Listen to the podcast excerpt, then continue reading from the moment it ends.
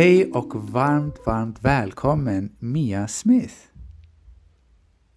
Tack snälla Diamantis, så roligt att få vara här. Det är min stora ära att ha dig här på podden för flera anledningar och jag ska snart berätta eh, till alla er som lyssnar varför jag är så glad. För att det var så att Mia kom nästan, du kom lite från ingenstans i mitt liv. Så brukar det vara människor som dyker upp. Ja, Man vet exakt. inte varför de kommer och inte kommer i ens liv. Ja, precis. Och det var så att du skrev till mig för kanske, vad kan det varit nu? Ett och ett halvt år sedan, tror jag. Ungefär. Du skrev till mig och säger hej, jag heter Mia och att du studerar till akupunktör och du har bakgrund som barnmorska. Precis, så var det. Ja, och du frågade ifall det finns möjlighet att göra lite praktik här. Och jag har vanligtvis sagt nej för att det för flera anledningar. Främst, det är inte för att jag inte vill dela med mig av min, min, vad som pågår här, men det är för högt tempo egentligen. Det går väldigt fort och jag behöver eh, mitt space. Eh, men för någon anledning så sa jag välkommen. Kommer du ihåg att jag frågade det? För jag frågade det, Diamantis, varför, varför gör du undantag? Jag Ja. blev jättetacksam och glad, men jag undrade varför du gjorde det. Då sa du så här, "Nej, jag, jag vet inte, du, det får du fråga min magkänsla om, sa ja, exakt. ja, exakt. Och, och jag minns, du är från Borås. Jag är från Borås, ja. Och ehm, då tänkte jag okej, men vi, vi, vi fixar det logistiskt sett. Så kom du hit en vecka, var det så? Precis. Ja. Och då var det från måndag till fredag. Och ehm, direkt så, så jag tyckte väldigt varmt om dig. Och det är så här, när man träffar vissa människor, man känner att man nästan resonerar på samma frekvens. På något vis. Och ehm, det var fina frågor du ställde och man såg hur pass intresserad och väldigt passionerad över just kvinnohälsa. Ja, men absolut. Ja, men det är jag. Det, det ligger ju i min profession sedan tidigare som barnmorska också. Precis. Hur länge har du jobbat som barnmorska? Du, det har jag gjort sedan 97. Eh, och innan dess så jobbade jag tio år som sjuksköterska. Ehm, med inte företrädesvis kvinnosjukvård då. Och som barnmorska har jag ju varit ute på hela fältet så jag har jobbat allt ifrån unga kvinnor på ungdomsmottagningen till ehm, eh, förlossning, BB och nu jobbar jag på gyn mestadels. Ja. Ehm, och möter ju otroligt mycket kvinnor med otroligt mycket behov. Exakt, precis så. Mm. Och, och, och vad var det som gjorde att du kände att du ville komplettera, eller jag vill inte säga skola om dig, men komplettera, integrera med den kinesiska medicinen och akupunkturen? Alltså jag har ju hört dig berätta om dig själv, din resa, och jag tänker att den är lik så tillvida att, att det är att man inser att man vill någonting mer. Man vill kunna hjälpa mer fullt ut. Just det. Ehm, och, och nyfikenheten såklart också på att, eh, på att det finns eh, andra delar av världen som har utvecklat sina kunskaper från en annan sida. Och, ja, jag, tror att det var det. Grundvalen var just att det, det här räcker inte riktigt. Och jag, det skapar ju också en frustration och det är inte så bra att gå med så. Men det Nej. var mycket nyfikenhet så och jag har eh, nosat på lite olika delar så att, att det blev kinesisk medicin är jag, jag är väldigt glad och tacksam för idag men det var inte självklart. Och sen har jag då insett att, att det är sprunget ur samma källa väldigt mycket om man skulle prata ayurvedisk medicin eller så. Alltså det finns ju så många likheter men det Just heter det. lite olika namn. Ja. Så vad var det, det som du kände fattades eller du ville komplettera eller kunna behandla med fullt ut? Jag tror det handlar om, om, om att jag inte är nöjd med symptomlindring bara. Just det. Eh, Det är nog det det handlar om väldigt mycket. Och, och just den holistiska biten att, att det är så självklart för mig och det har det varit hela vägen oavsett hur jag är skolad. Att man ser till helheten, att det hänger så ihop. Det är intima band med, med både den mentala hälsan och hur man mår fysiskt och så. Exakt. Och hur tycker du det kinesiska medicinska perspektivet ser på det här och speciellt då kvinnohälsa, vilket är ett, du vet ju att jag brinner för det här jättemycket. Och jag vill dela med mig och ännu en gång säga tack så hemskt mycket för du har korrekturläst faktiskt boken som jag skrivit. Um, och, och det var jag väldigt tacksam för. Så um, hur ser du att kinesisk medicin um, fyller det här, vad ska vi kalla det för? Inte tomrummet, men, men det som inte vi verkligen kunde få tag i och förstå? Först ska jag bara säga grattis till de som kommer få läsa din bok. För den, det här är inte bara för att promota den, men eh, jag tycker verkligen att du har lyckats att fånga in så många delar. Mm. Jätte, jättefin bok. Tack. Eh, och den kommer att, att eh, hjälpa många för den är handfast också, mycket handfasta råd. Mm. Därför att det, det, finns så otroligt mycket. Jag vet ju att det är många som står på kö och komma hit och så. Men det är oerhört mycket de kan göra utan att behöva komma hit. Ja, när jag precis. tänker så. Ja. Um, uh, men det jag, det jag ser som, som fattas och som jag känner är styrkan i kinesisk medicin det, det är ju just att alltså man har ju någonstans ett sånt faktiskt synsätt på kvinnan som jag tycker är fantastiskt. Just mm. det här, det, det, är nästan lite en religiös känsla när man läser litteratur där man ser liksom att man har um, Alltså kvinnan är ju hon som skapar liv. Det är väldigt intressant att man ser knappt mannens del överhuvudtaget. Yeah. Vilket gör att då, jag har ju ägnat mig lite grann åt fertilitet hos män också så, för infertilitet är en del som jag jobbar en hel del med. Mm. Um, och uh, jag tror inte bara, uh, ett sidospår, men jag tror inte bara det att, att kvinnor och män idag är mer angelägna om att söka när de, och vet hur de ska gå tillväga för att söka vård. Jag tror att det finns någonting som gör att det ökar också. Ja. Det kan vi komma till för att det är jag helt säker på att det gör. Eh, men då har jag också försökt ägna mig lite åt, åt mannen och den delen. Det är oerhört lite egentligen som finns skrivet om det och väldigt lite egentligen i behandlingsstrategier därför att det är, det är som att mannen nästan inte räknas. lite grann när man tittar på det. Och, ja. och det, det, det, det, tror jag bygger på att, att att det här att kvinnan är så unik just att hon kan skapa liv. Exakt. Och det, det är en väldigt vacker metafor tycker jag att hon ja. skapar liv så. Ja. Och det gör ju att oavsett om du är en kvinna som föder barn eller inte under livet så, så har du möjlighet kanske, eller de flesta har det så då. Och, och det gör på något vis att kvinnan har en unik särställning på något vis. Precis. Precis.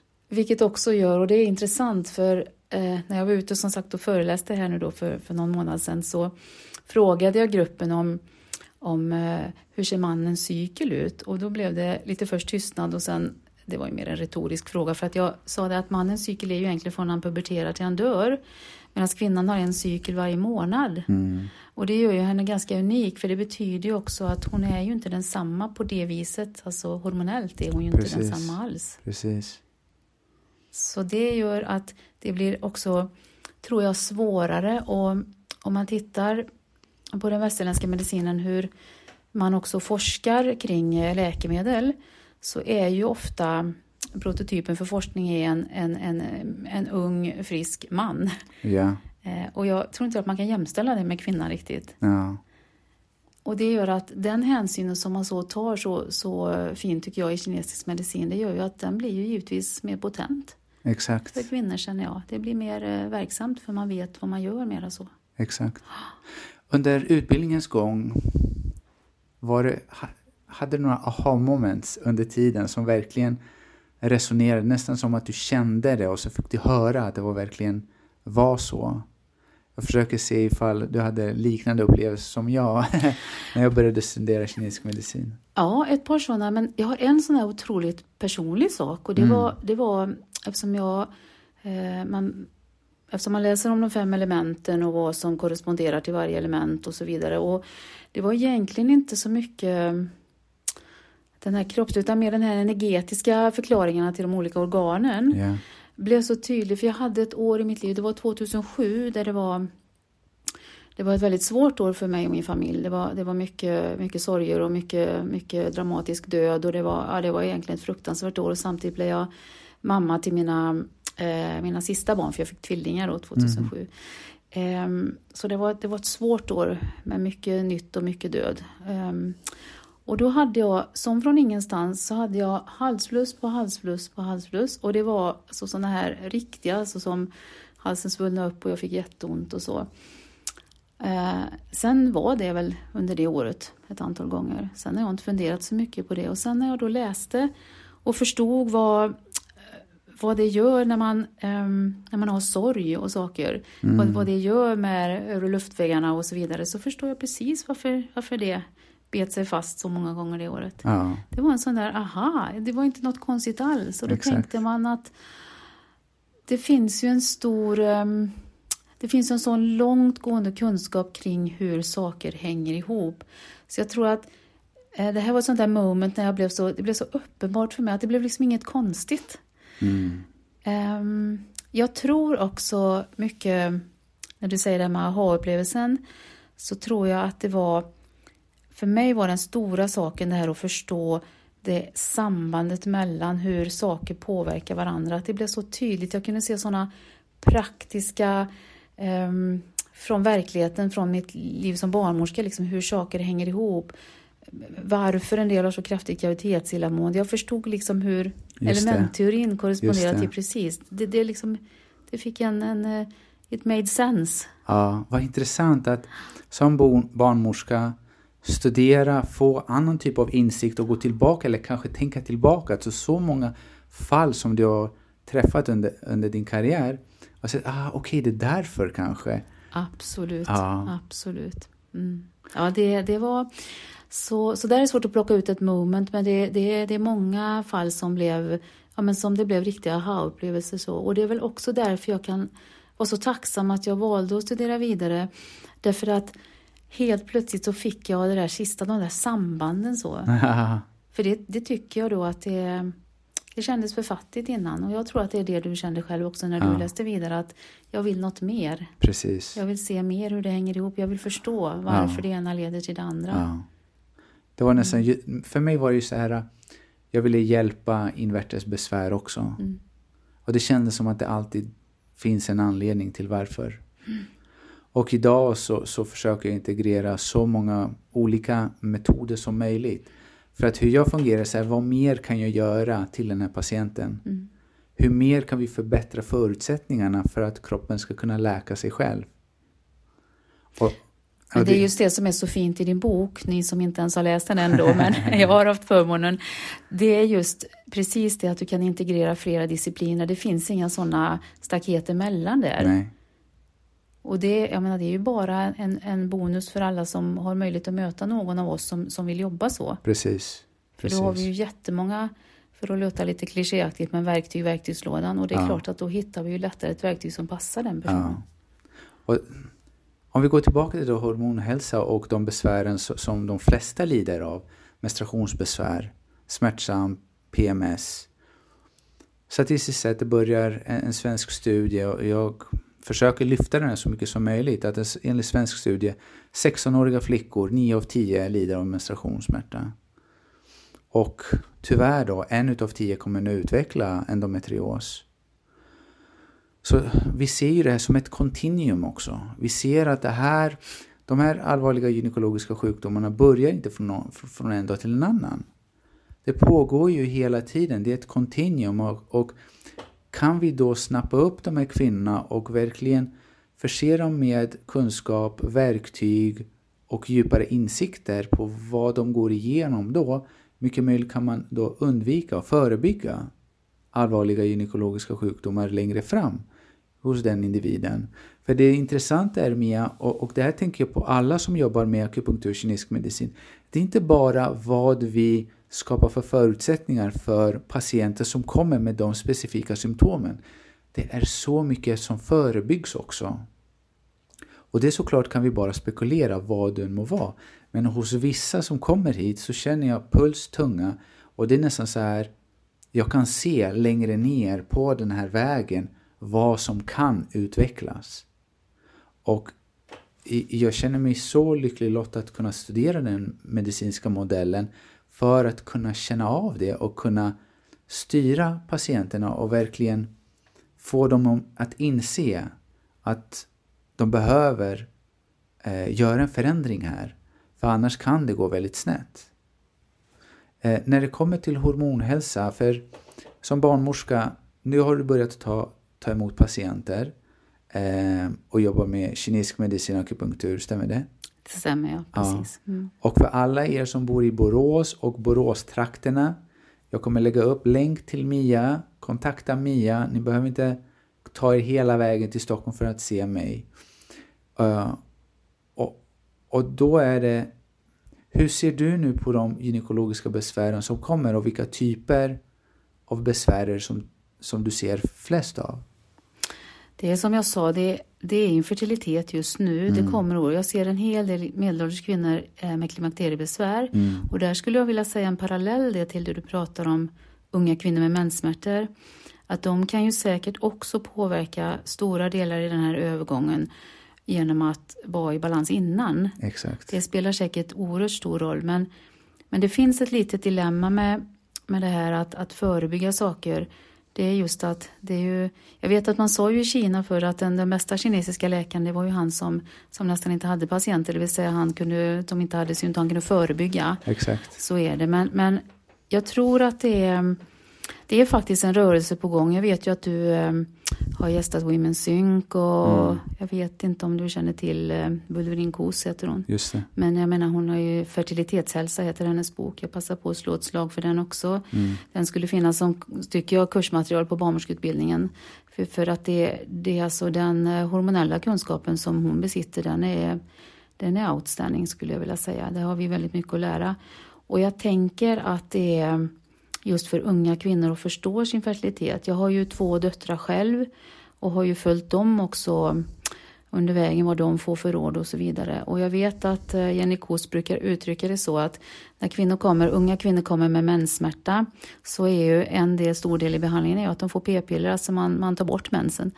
Eh, och då brukar hon säga att eh, att det är ju inte kroppens sätt att säga att den har p-pillerbrist. Det är ju inte därför den har menssmärta.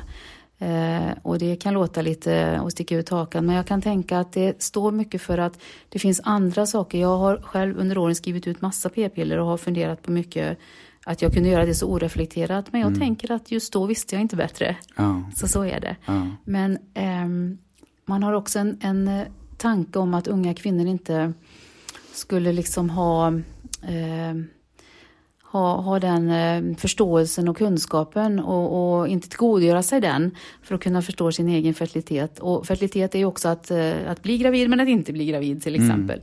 Och att förstå sin cykel och, och förstå vad som händer i den och varför man mår som man gör i vissa faser och så.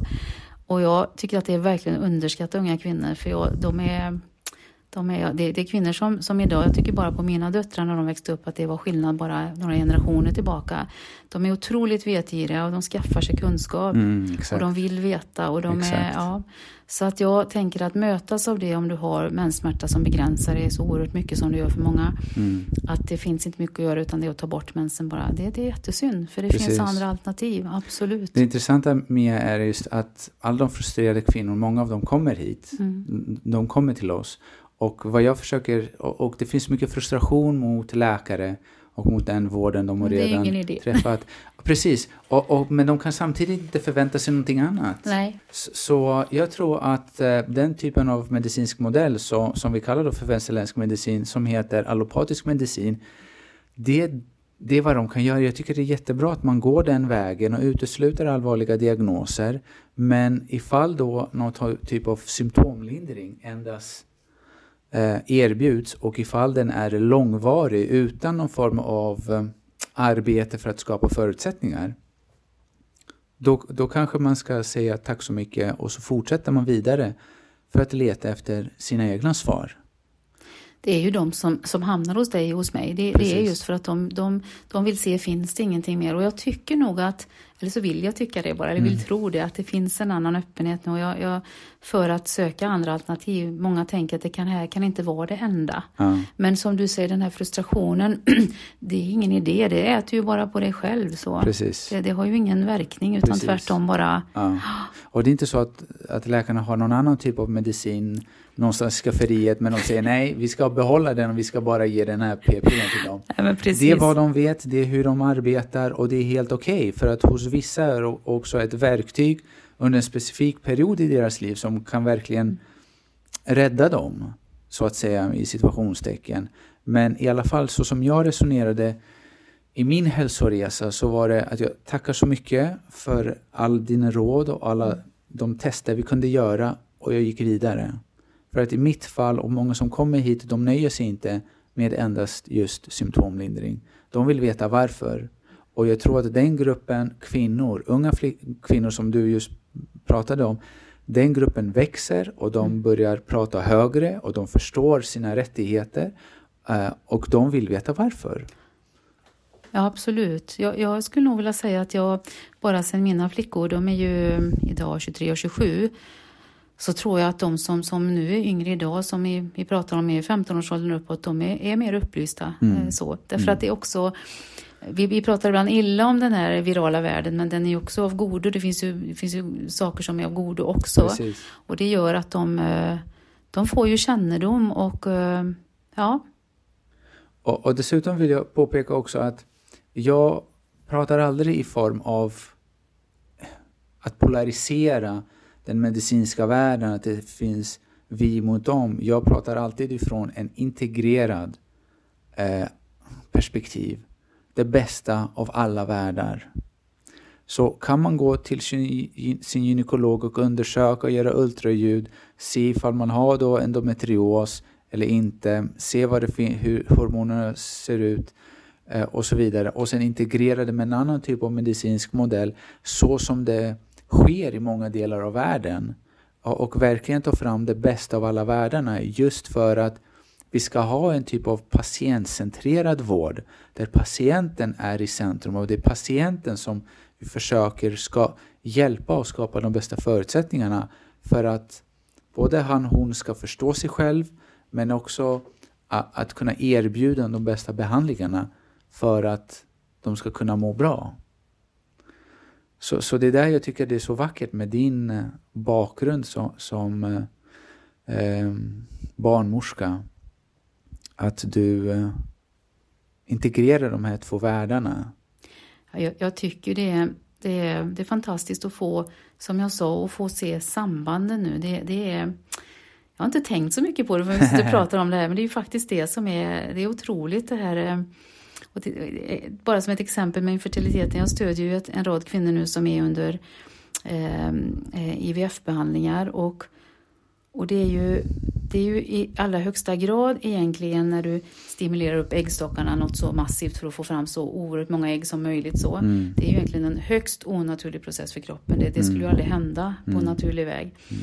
Men att man kan då stödja det ihop med med kinesisk medicin, det är på något vis som att verkligen två världar möts och det är inte så konstigt. Precis, och de studierna som finns där ute i litteraturen stödjer just att de bästa resultaten sker ifall man kombinerar det ena med det andra. Mm. För de som har lite mer tid, och det är det som är så intressant tycker jag, att det är så många som kommer hit, de antingen har varit på och påbörjat en IVF-resa eh, eller ska börja och efter första samtalet, de första behandlingarna, ifall inte då åldern är mot deras nackdel, så känner de av naturligt att okej, okay, de inser att det är en naturlig anledning till varför de inte har kunnat bli gravida.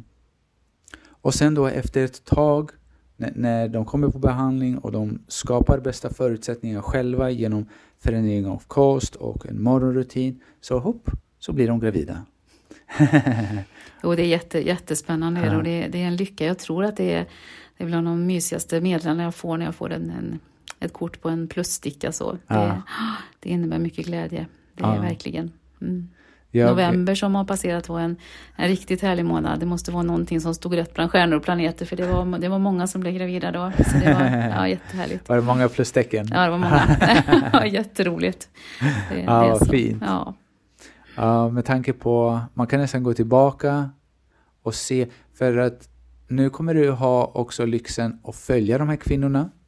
För mig, de som har kommit under hela graviditetens gång och kommit på behandling också, det är de som har, har haft bäst förlossningar också. Mm. Wow, det där var, ju, var, var en ny tanke ja. Mm. Så det är någonting som jag vill uppmuntra eh, alla som tar del av den här medicinska modellen är att eh, sluta bara inte där. Fortsätt. Fortsätt hjälpa för vi har då eh, olika metoder, olika akupunkturspunkter som vi använder oss av under de olika faserna under graviditeten och mot slutet. Just för att man ska ha en så bra och fin eh, förlossning som möjligt. För det handlar inte bara om att vara gravid, du ska även njuta under graviditeten.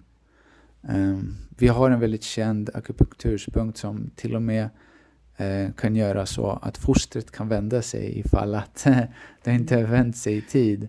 Så eh, jag vill bara säga att eh, det finns så mycket visdom i kinesisk medicin när det kommer till det gynekologiska för att som jag skriver i boken att när gynekologi var ett, ett område i kinesisk medicin så befann sig Sverige i, i bronsåldern. Så, så du vet, låt, låt det här sjunka in lite. Och hur pass länge man, man, har observerat och man har provat och man har lärt sig av genom misslyckande och lyckande på vad det är som verkligen fungerar. Hur ser du, vill du fortsätta jobba just med infertilitet och kvinnohälsa? Är det vissa, vissa diagnoser som börjar komma mer och mer? Hos mig till exempel, både, både endometrios och eh, kvinnor som utvecklar cystor eller eh, PCOS, de börjar också komma in och kinesisk medicin har då bra, bra insikt i, i hur och varför dessa diagnoser eller dessa åkommor utvecklas men även vad man kan göra för att hjälpa de här kvinnorna. Eh, just endometrios är intressant att du säger för att där eh, märkte jag i början att jag var liksom väldigt färgad av det jag hade med mig som barnmorska därför att där, där är det ju så att ehm, Ja, där är återigen att man försöker att eh, göra kvinnan mensfri. Så att man slipper ha aktiva endometrioshärdar och få den här smärtan då i samband med mens. Eh, och, och, men jag vet också att det, det har varit svårt för många. Det, det, det, hjälper verkligen inte alla och de lever med otroligt begränsad, alltså de har så mycket smärtor och, och mm. det är ett lidande verkligen. Mm. Eh, och då är man ju, då menstruerar man rätt många år i ett liv Precis. om man har så ont. Upplever man ju. Och då, då vet jag att jag var liksom lite blockerad av att tänka att jag vet att det är svårbehandlat. Mm. Eh, eh, men det där har jag tänkt bort nu och jag, jag vet att jag behöver inte tänka så utan, mm. utan jag måste liksom förstå, är det en stagnation eller är det, alltså vad, vad beror det på? Mm. Och då, då jobbar man med det som med allt annat på något vis, man behöver inte komplicera det så mycket så. Exakt. Men eh, jag skulle nog vilja säga att de som, de som har hittat till mig mest det är ju infertilitet och sen är det alla blödningsrubbningar. Eh, så. Och blödningsrubbningarna har faktiskt kommit ofta i samband med när man går på eller av preventivmedel. Att det liksom inte rättar sig till och man börjar bli mm. bekymrad. Mm. Återigen att yngre kvinnor idag de, de förstår att det är en hälsomarkör ja. ha en, en, en, eh, en sund menstruationscykel. Precis. Då förstår man att då funkar det andra också. Det Exakt. tycker jag är tydligt. Och där är du en stor bidragande orsak till att du sprider liksom det budskapet också, du och några till. Att, att det är faktiskt så. Det är, det är inte, alltså, de hormoner som in, inkluderar menstruationscykeln är liksom inte frikopplade från något annat hormonellt system. Precis. Det, det är lite intressant att, det är, att man ens kan tänka så. Ja. För det är klart att det hänger ihop alltihopa så. Ja. Eh, men så det, um, det är roligt och de måste jag säga eh, tycker jag ändå är, är ganska lättbehandlade. det är lite roligt så ja. när man inser att det är... Ja. Sen har jag träffat många med det här just hormonella med, med, med, med PMSen och då då är det väl så att då har man ofta ganska grav PMS, alltså man har det under lång tid, nästan från, ända från ägglossning fram till mensen. Inte ens, man har det, alltså, så det är ju som jag brukar säga till de kvinnorna att det är ju halva ditt liv egentligen om mm. man har regelbunden menscykel. Det är två mm. veckor av fyra Precis. som återkommande. Och jag, jag ska också säga att grav PMS, det, det, är, det här är inget skämt, men det är väldigt jobbigt för relationen om man lever i en relation. Ja. För att leva med en kvinna som, som eh, halva tiden av sitt liv nästan vill ta sitt liv eller faktiskt mår så, alltså så, mår så dåligt. Mm Eh, och har alla fysiska symptom också. Det, det är inte enkelt. Ja. Så jag brukar trösta mannen och säga det, om jag, eller brukar skicka med en hälsning. Mm. Att nu jobbar vi för att ni ska må bättre bägge två. Exakt, exakt. vad fint sagt. Ja, ja, men det är tufft är det. Så, att. Så, så, hur brukar du, och vad är det för, för råd du kan ge? Generella råd där mm. ute när det kommer då till ja, men de flesta de menstruationsrubbningarna. Mm. Finns det någon, någon gemensam faktor eller finns det någon, någon underliggande obalans som du ser oftast? Eh. Alltså, jag skulle vilja säga att, att um, man brukar prata om, om inflammation i kroppen och låggradig inflammation. Jag tycker det är så att, att kvinnor är, är yngre kvinnor idag är generellt i en låggradig stress. Mm. De, de, är väldigt, väldigt sällan i, i ro.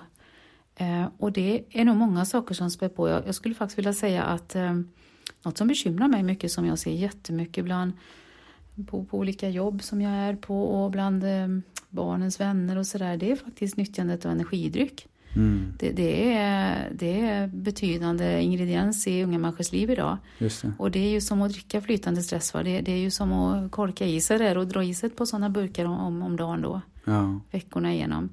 Eh, det, det försätter många i, alltså de, de är ju i stress. just det. Jag tänker med tauriner och koffeiner och allt som de, som de dricker och så. Mm. Eh, det är prestationsångest jättemycket unga Just. kvinnor har och det, det är, vi pratar ju mycket om det lite så här att det är att de stressas av hur man ska vara och vad man ska uppfylla men det, är- det är verkligen så. De är utsatta för, eh, för otroligt mycket sådana stressorer. Att Mm. lyckas, att se bra ut, att passa in, att, att räcka till. Mm. Ja, jag tänker att så tidigt få känna sig så otillräcklig och att det liksom accelereras. Jag skulle nog vilja säga att det är, det är även de här kvinnorna som kommer upp en bit så att man förväntas ha gjort karriär men så ska man förväntas också ha barn och sen så när väl barnen kommer så ska det vara så lyckat. Precis. Och, och då sitter du där med sömnbrist och kanske ett barn med viskolik och du liksom är helt slut och, Ja. och, så, och så har du kanske haft en tupp förlossning med lite blodförlust och så, så ska du liksom förväntas prestera på en gång. Precis. I princip på en gång. Precis. Så nu kommer jag av spåret lite tror jag, men jag, jag, just det här att, att, att kvinnor idag är utsatta för den här låggradiga stressen, de är Exakt. aldrig i, i, i lugn och ro. Eh, Det är något som jag pratar med vid första besöket ganska mycket om hur, hur man själv kan förändra det eller vad man tror, vad, vad tror Mm. du du kan göra? För att det är inte så att de inte ser det, Nej, precis. det gör de. Ja. Ehm, Hur ser vi det utifrån kinesisk medicinskt perspektiv om du delar med dig så lyssnarna kan följa med lite. Vad är det som Mm. händer? Alltså, jag tänker ju så här att, att eh, ehm, jag vet ju att säkert lyssnare till dig har, har hört dig mycket förut och vet lite grann det här med yin och yang-karaktär så. Att vi får, vi får liksom leva på, på yang-villkor hela tiden. Precis. Och när man förklarar, jag försöker göra det enkelt och pedagogiskt för att ibland när vi sitter här och pratar så, så har vi en annan förförståelse och skulle Ja. kunna fördjupa oss men då blir det Ja. obegripligt så. Men det är som jag beskriver att man tvingas in till en maskulin energi. Ja, ett maskulint beteende. Ja, precis. Eh, fast jag skulle nog ändå vilja säga att när jag pratar med yngre kvinnor om det, så, eller kvinnor överhuvudtaget, jag ska inte bara säga yngre, så är det en, ny, en helt ny term, alltså det här att tänka yin yang. Mm. Det, det är inte självklart så. Alltså Nej. många har sett symbolen och vet Ja. att det är någon sorts balansgrej sådär, men, Ja. men just att, att förstå lite grann det jag var på med att kvinnor i kinesisk medicin, det, det är liksom, de hyllas och de skapar liv. Att, att kvinnan är ju yin och sin karaktär, så, Precis. att det är så självklart. Precis. Men jag måste ju säga om man går till, till, till skandinaviska kvinnor så, så stöps vi lite i att, att vara i samma och det är ju yang-karaktär som du säger. Mm. Det är ju det som gäller. Det är det som premieras Precis. också och det är det som Precis. förväntas. Ja. Att förklara lite det vad det innebär. Att inte, att inte gå i den marschen kanske och, och, och ta lite konkreta saker kring deras eh, livsstil. Alltså så, för alla är ju lite olika också. Men att fråga är det något du själv ser där du egentligen tror att du går emot vad du... Alltså, och då, då kan en del, då kan man se lite aha sådär att egentligen borde jag nog tänka mer så här och så här. Och, ja, kanske känna så. Kanske faktiskt skapa det utrymmet. Precis. Han pratar ju om eh, i Kina med svärdet och skålen och jag tänker att, eh, att svärdet är ju faktiskt att stå upp för sig själv. Mm. Att faktiskt duga som man är och få... En del har ju bara som en pytteliten att vifta med. Mhm. Men andra har ju som en stor värja som bara hänger som de inte ens behöver använda. Att det här med att stå upp för sig själv, att få vara i sin kvinnliga energi. Precis. Det, I sitt autentiska jag. Ja, men det är ju svårt ibland alltså, för du är präglad sen så liten. Precis. Det Mm. som du säger, vi vi blir stöpta, vi blir formade in till Mm. en typ Mm. av beteende Mm. som inte resonerar med vår, vår sanning, Mm. så att säga. Och det blir så okänt för vissa när man kan, man kan se det, men om det är det här de har levt i hela sitt liv så blir det också väldigt okänt. Och någonstans så måste man lära om sig själv Mm. i att det är okej att vara så. Det, det är helt okej. Och hela tiden observera och höja sitt medvetande och hämta tillbaka sig själv till här och nu. För vad vi egentligen menar med allt det här är att kroppen kan inte fungera som den menat ifall vi är i fight or flight. Mm. Och, och jag tror att vi alla är överens, oavsett medicinsk modell, så vet vi alla, är vi konstant psykologiskt låggradigt stressade så kan inte kroppen fungera som den ska. Då kommer då inte nervsystemet vara i balans och nervsystemet och hormonella systemet går då mycket hand i hand och därav kommer det också då eh, yttra sig i, det, gynekologiska cykeln. Mm. Och, och de här kvinnorna med infertilitetsproblematik som jag träffar, det, det blir väldigt pedagogiskt enkelt att prata om den här. Jag pratar inte om lejonet på savannen, jag pratar om björnen i skogen, för det är främst mer relevant här ja. i Sverige. Men om man tänker så att att kroppen rent fysiskt känner sig jagad hela tiden av den här björnen, då förstår jag att inte den prioriterar att bli gravid. Alltså det, den är inte intresserad av det ja. då. För den är intresserad av att springa från björnen hela tiden. Precis. Och, och det, det, finns så många som har påtalat det här som, som Alltså vi är så uppmärksamma på det, men jag tycker fortfarande att det är en sån bra metafor att tänka liksom att kroppen tror fortfarande att den är utsatt för någon fara. Mm. Så den stänger ner sådana där mm. oviktiga system som fertilitet Precis. och så. Om man tänker att man lever i det och kroppen lever i det hela tiden, mm. mer eller mindre. Mm. Vilken månad är det flest barn föds? Vet du det? alltså förut var det av hävd då, framåt maj, juni, juli där så. Men nu skulle jag nog vilja säga att det är inte riktigt, jag är lite för dålig på det. Mm. Men där på, det där på hösten där så, så brukar ju siffrorna gå ner lite så. Mm. Mm. Och det tänker jag, det, det resonerar med mig lite som att att det, det, handlar ju om evolutionärt, alltså våren är ju lättare för då är avkomman liksom mer skyddad klima, klimatologiskt Precis. i flera månader innan hösten Precis. kommer. Men... Mm. Jag tycker att det är så pass intressant och innan vi fortsätter, jag vill bara säga till allihopa att vi pratar väldigt gott om kinesisk medicin eftersom vi är så passionerade i det. Men jag vill också vara väldigt tydlig för att det här gäller mig också. Det är ingen så golden ticket att vi kan du vet att alla som kommer förbi här löser sina problem, för det är väldigt individuellt också. Eh, jag brukar säga att man kan ge de, den bästa kosten till någon, men ifall personen är i en sån form av stress och fight or flight, då kommer inte bryta ner maten och kommer inte ta upp näringen. Vad jag vill säga är att en behandling är så pass bra som den också kan tas emot. Och vissa personer har tyvärr fastnat i en form av fight or flight, i någon form av trauma som de inte kan komma loss. Där det är väldigt svårt att nå dem. Vissa förändringar kan ske, men har svårt att komma då hela, vä hela vägen. Um, men sen finns det också de fallen som det är nästan, de har längtat att komma till en sån typ av miljö och de resonerar med det direkt och då blir det som vackrast. Så om vi går tillbaka då till till fight or flight och till den externa björnen som blivit en intern björn. Mm. Mm. Som man tyvärr inte kan fly ifrån. Och att den då inte bara gör så att hormonen är i obalans. Den, den, den gör att vi konsumerar vår näring till en mycket högre grad. Och en av de vitaminerna som går åt är ju då B-vitaminen och B6. Och vi vet att B6-vitamin är väldigt viktigt för levern och, och dess förmåga att eh, metabolisera östrogen bland annat. Eh, jag finner det väldigt intressant Mia, att man kan se då samma problematik utifrån två perspektiv. Man pratar om samma sak men på olika sätt. Så när man pratar om östrogendominans och man pratar om att leverns förmåga att metabolisera, nu kanske vi kommer in lite till funktionsmedicinen, man kanske inte sa det i skolan.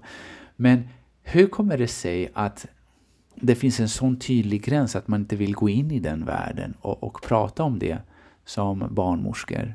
När det, det är ett faktum att B6-vitamin är så viktigt för levern och dess möjlighet att bryta ner östrogen eller tarmfloran och den grupp bakterier som heter strabulum och dess förmåga att balansera östrogen. Det är, är det så man, man, man går inte in i det alls, förbiser man det eller hur är det i, eh, som barnmorska? Vad har ni fått lära er helt enkelt? Ja, alltså det finns, det finns ett Eh det finns ett starkare uttryck för det och så finns det ett lite förlåtande mildare uttryck. Och det, det mildare uttrycket är ju mer att, att det är ungefär som vi pratade om lite grann det där med, med att, eh, att vi, vi vill lindra menssmärta med att ta bort mensen. Alltså mm. man vet inte bättre. Alltså det, det är precis samma där. Jag tror inte att det är precis som du pratar om att det finns ingen extra grej som man har i garderoben och bara tar fram för vissa. Mm. Det är mm. inte så att man har kunskapen och inte vill dela med sig av den den är inte tillräckligt intressant. Alltså jag, jag tror, om man ska vara krass nu då, så, eh, så blir det nästan som ett politiskt inlägg. Men det är ju så här att det är ju ingen, det är ingen hemlighet att eh, det finns en hierarkisk modell i, i vården. Eh, och det är ingen hemlighet att, att det faktiskt styrs väldigt mycket av, av pengar och läkemedelsindustrin. Mm. Och de har inte så stor vinning. Det här, nu är det min tolkning, men jag vet att många delar den med mig. Eh, de, de har ingen vinning på att producera B6. Just det. Eh, Så, där skulle jag vilja säga, så, så intresset är inte så, så starkt och stort att utveckla den delen. Men jag vet ju också om man tänker till exempel för att få, även om det är en kostsam behandling som man tar ur egen ficka och så vidare, så vet jag ju att få komma in på, på en funktionsmedicinsk eh, konsultation eh, Mm. eh, i närliggande Borås, det finns ett par stycken då, det är jättelång väntetid. Mm. Så det finns ju ett sug efter, för man Precis. är intresserad av det. Jag, jag tycker att det är synd att man inte, men jag, jag vet ju kollegor till mig som, som är, har stort intresse så. Eh, för att det är ju så pass, tänker jag, en, enkla och ofarliga medel. Precis. Eh, så, att, eh, Finns det stor nyfikenhet också av dina kollegor och höra hur det går för dig och vilka patienter du träffar och Ja, ja absolut. Ja. Ja. det finns det absolut. Det, det är ju så här att eh, sen har de ju då inte lov av huvudmannen då att rekommendera eh, så som de uttrycker ibland ovetenskapliga eh, så, eh, behandlingar. Men, eh, men absolut så, så finns det nyfikenhet och, och många av dem kommer ju själva också. det känner du säkert igen att du har en hel del vårdpersonal som kommer hit. en hel Därför del. att det, det, är ju, det finns ett stort intresse. Men man ska ju inte vilja säga att det är, om du går till där man faktiskt börjar på utbildningsnivå och så, så, Ja. så finns det inte jättemycket kring det. Mm. Jag hade ju lyxen i Kina när vi gjorde vårt femte år av kliniska praktiken att lika mycket som vi var i den västerländska medicinska avdelningarna så kom då läkare eller studenter från den västerländska medicinska utbildningen och kom och gjorde då kliniska timmar hos då kinesisk-medicinska delar. Så det är en helt annan, och jag tycker att det är så vackert för att det, det är verkligen så att man sätter patienten i fokus. Ja, absolut, och det är, det är ju liksom en sorts korsbefruktning som är fantastisk. alltså. Så det, var, var, ja, jag blir riktigt glad att höra att Ja. det finns delar av världen där man kan tänka så. Ja.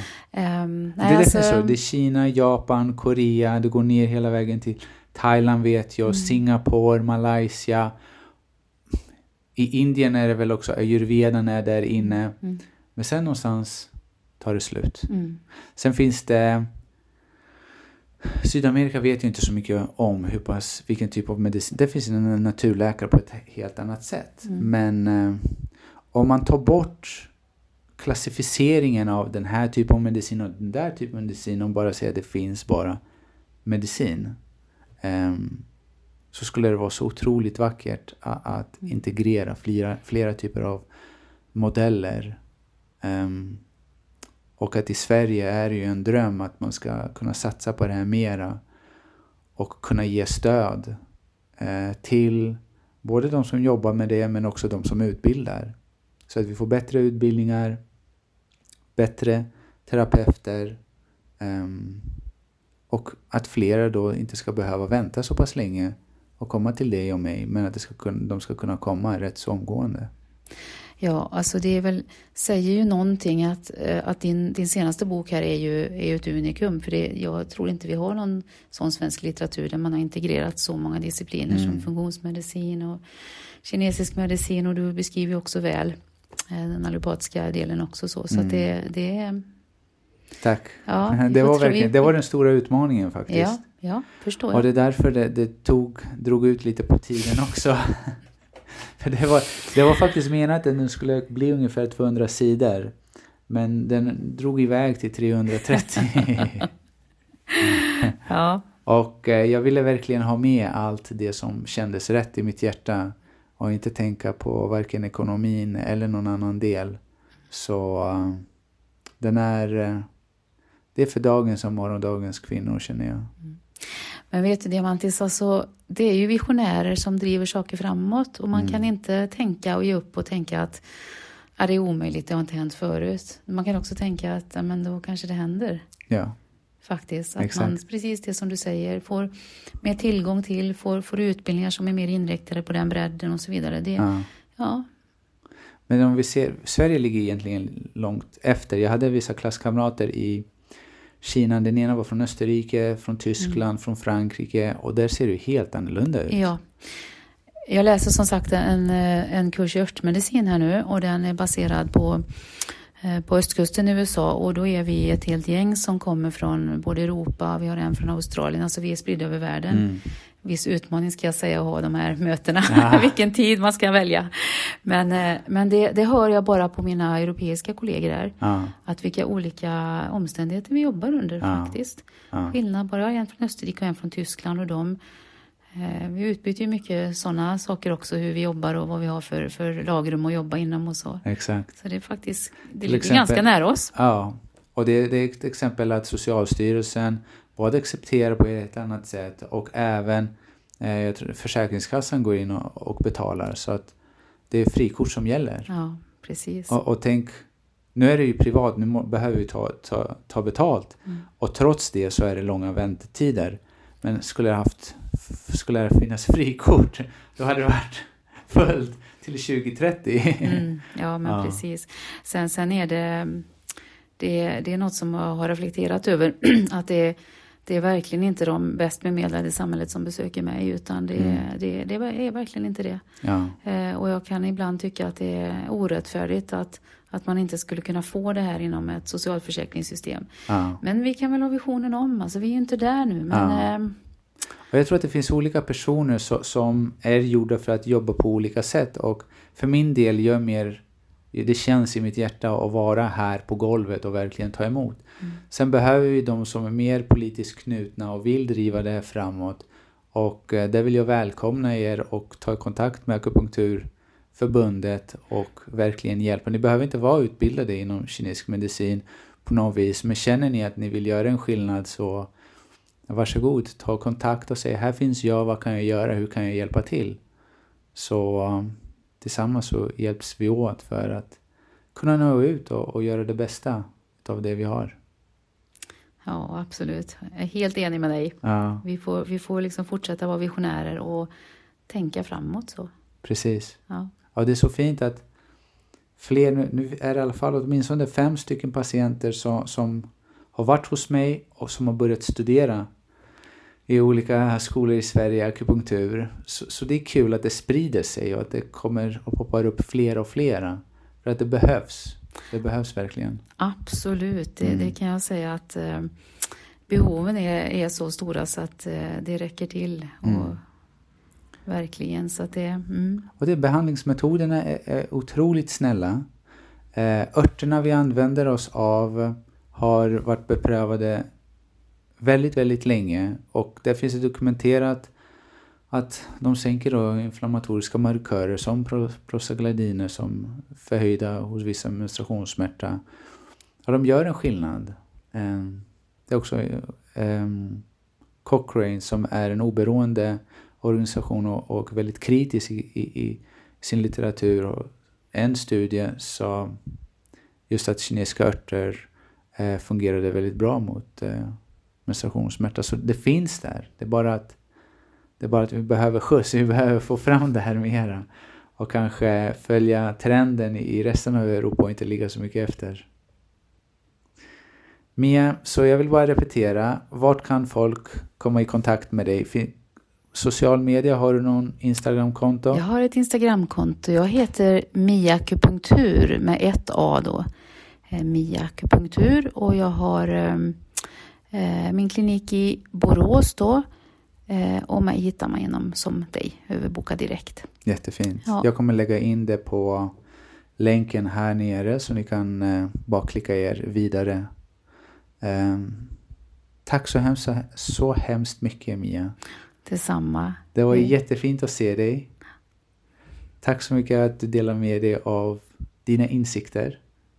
Och tack själv att du hjälper till och att du driver det här frågan med kvinnohälsa. Det Verkligen. Behövs. Ja. Varsågod. Och till alla er lyssnare, tack så hemskt mycket att ni hängt med här hela avsnittet. Hoppas det var väldigt givande. Jag önskar er allt det bästa. Massa kärlek. Hejdå.